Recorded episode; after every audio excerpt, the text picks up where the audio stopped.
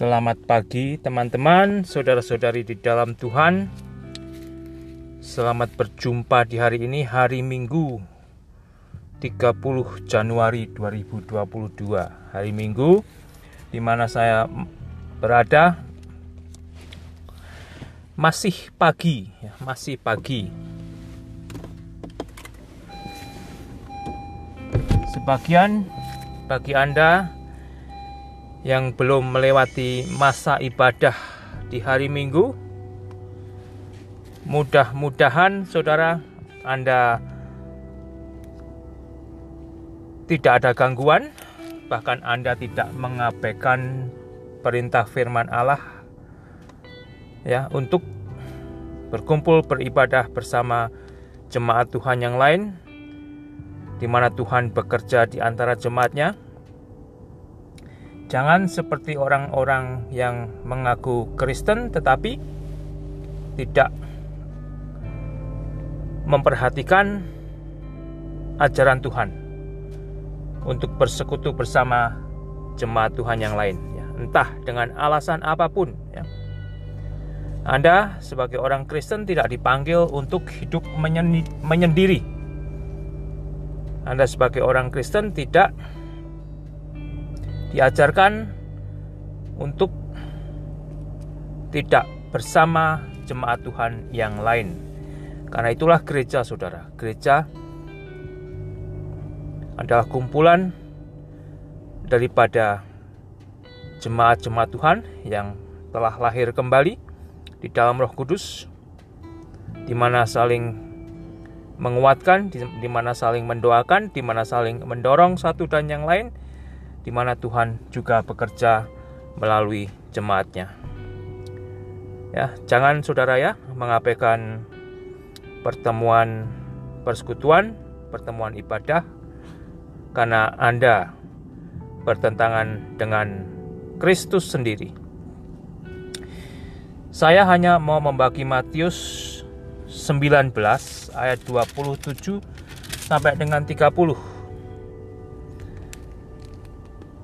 Lalu Petrus menjawab dan berkata kepada Yesus ya. Kemarin saya membaca dari 13 sampai 26 yang mana di bagian akhir di ayat 23 tentang siapa yang bisa masuk ke dalam kerajaan sorga. Yesus berkata kepada murid-muridnya, Aku berkata kepadamu, sesungguhnya sukar sekali bagi seorang kaya untuk masuk ke dalam kerajaan sorga. Sekali lagi aku berkata kepadamu, lebih mudah seekor unta masuk melalui lubang jarum daripada seorang kaya masuk ke dalam kerajaan Allah. Ketika murid-murid mendengar itu, sangat gembarlah mereka dan berkata, "Jika demikian, siapakah yang dapat diselamatkan?"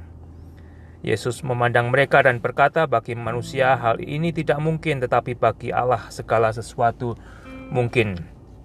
Ya, bagi manusia Kembali tidak mungkin untuk bisa menggapai sorga dengan caranya sendiri, tetapi bagi Allah mungkin. Karena apa? Allah sendiri telah turun dari sorga ke dunia dan telah mengorbankan dirinya sebagai tebusan yang sempurna, sehingga manusia yang sudah cacat, yang sudah berdosa, beroleh pengampunan Allah di dalam Anak Allah yang telah mati bagi dosa manusia dan setiap manusia yang mau percaya kepada Allah disempurnakan Allah bukan karena dirinya sendiri, bukan karena usahanya sendiri, tetapi karena apa yang Yesus sudah lakukan. Dan selanjutnya saudara lalu Petrus menjawab dan berkata kepada Yesus, kami ini telah meninggalkan segala sesuatu dan mengikut engkau. Jadi apakah yang akan kami peroleh Tuhan? Ada pertanyaan. Pernahkah Anda bertanya apa yang akan Anda peroleh setelah Anda dengan setia melayani Tuhan, mengikut Tuhan, ya bahkan berkorban bagi Tuhan? Saudara, perhatikan perkataan Tuhan Yesus. Kata Yesus kepada murid-muridnya, Aku berkata kepadamu sesungguhnya pada waktu penciptaan kembali, Apabila anak manusia bersemayam di tahta kemuliaannya, kamu yang telah mengikuti aku akan duduk juga di atas dua belas tahta untuk menghakimi kedua belas suku Israel. Wow. Mereka oleh Tuhan telah diberikan janji dan posisi ketika masa penciptaan kembali terjadi. Kalau Anda membaca Alkitab di bagian kitab akhir, saudara, kitab Wahyu, Anda akan membaca di pasal-pasal yang terakhir di mana bumi ini akan lenyap dan Tuhan akan memberikan satu penciptaan baru dengan apa yang Anda bisa baca sebagai Yerusalem baru yang turun dari sorga. Jadi kembali saudara, saya dan Anda dan setiap orang yang percaya kepada Yesus Kristus, ya, kalau Anda mati setia melayani Tuhan dengan hati yang seperti Kristus ajarkan ya, bukan dengan motif yang lain anda tidak akan kecewa. Anda akan diberikan tempat yang Tuhan sendiri sudah atur. Ya. Yang Tuhan sendiri sudah atur. Anda tidak bisa bernafsu untuk mendapatkan tempat paling tinggi tetapi kalau Anda mau melayani seperti yang Kristus ajarkan, seperti yang Kristus contohkan, seperti yang Kristus lakukan, ya, Tuhan sendiri telah mempunyai tempat itu bagi saya dan Anda.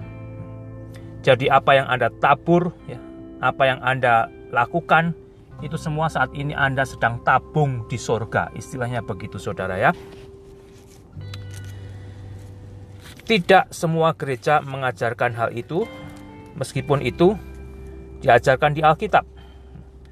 Sehingga banyak orang Kristen setelah jadi Kristen ya hidupnya seenaknya aja, ya tidak mau bertumbuh, tidak mau mencontoh, tidak mau mentaati Kristus. Sehingga hidupnya kekristenannya istilahnya bukan mereknya Kristus lagi, tetapi merek dia sendiri. Dan setiap orang yang karena namaku meninggalkan rumahnya, saudaranya laki-laki atau saudaranya perempuan, bapak atau ibunya, anak-anak atau ladangnya akan menerima kembali seratus kali lipat dan akan memperoleh hidup yang kekal.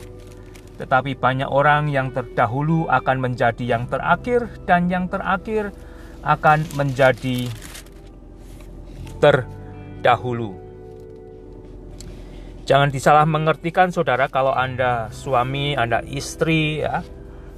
Anda tidak bisa seenaknya aja meninggalkan keluarga Anda, menelantarkan keluarga Anda dengan alasan saya mau mati bagi Kristus. Kalau Anda mau dan berani mati bagi Kristus, Anda akan terlebih dahulu berani hidup bagi Kristus.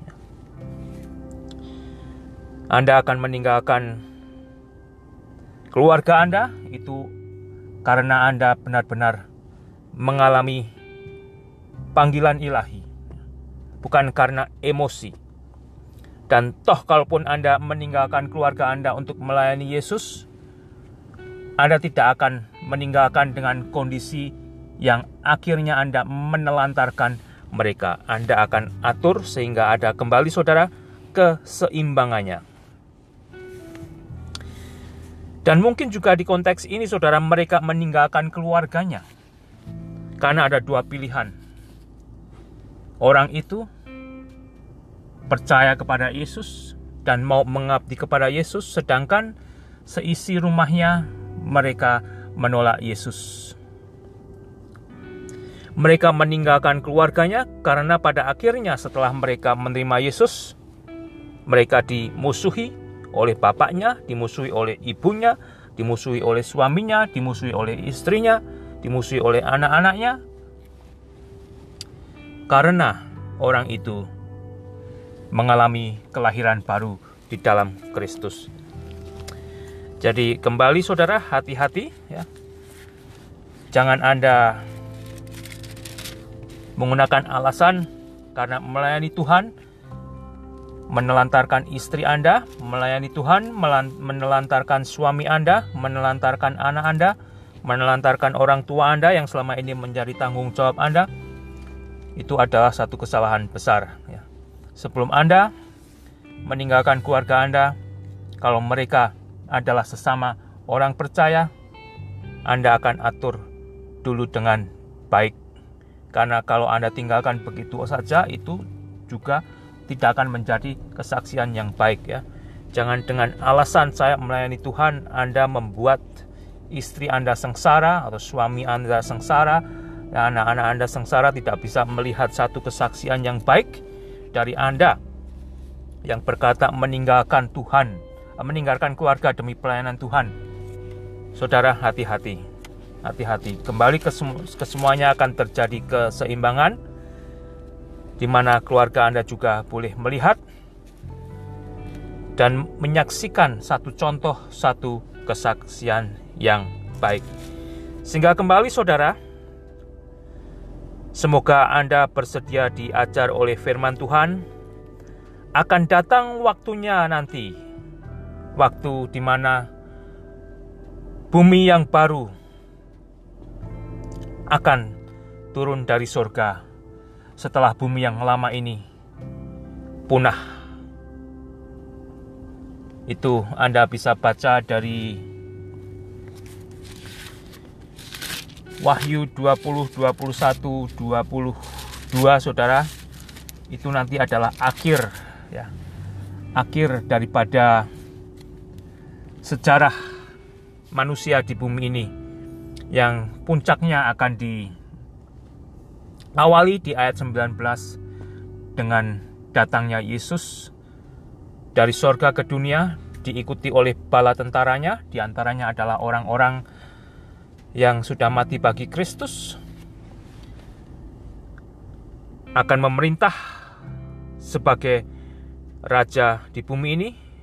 Dan kalau semuanya Anda baca di situ saudara Anda akan mendapatkan detail yang cukup ya untuk melihat segala nubuatan yang Tuhan sendiri sudah tuliskan, sudah berikan kepada manusia.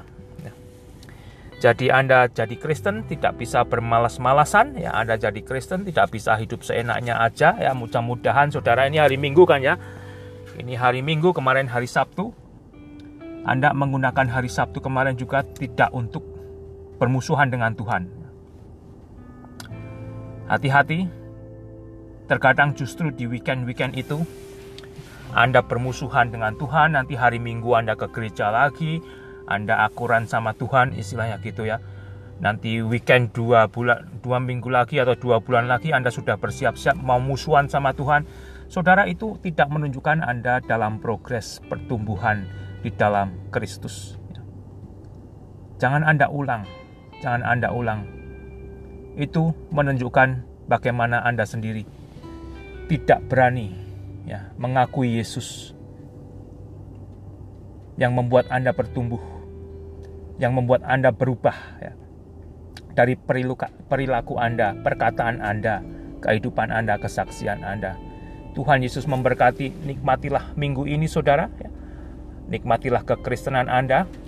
Ya. Jangan permainkan Tuhan. Ya. Jangan permainkan Allah karena kembali Allah tahu kita, apa yang kita sembunyikan, Tuhan juga tahu, dan Tuhan merindukan agar setiap manusia beroleh keselamatan di dalam Yesus Kristus, dan kita yang sudah diselamatkan Allah di dalam Yesus Kristus boleh menjadi berkat, boleh menjadi saudara dewasa bagi mereka yang lebih muda di dalam iman. Jangan sampai kita yang sudah seharusnya menjadi saudara dewasa di dalam iman justru menjadi batu sandungan. Itu sangat tidak amat terpuji. Tuhan memberkati saudara.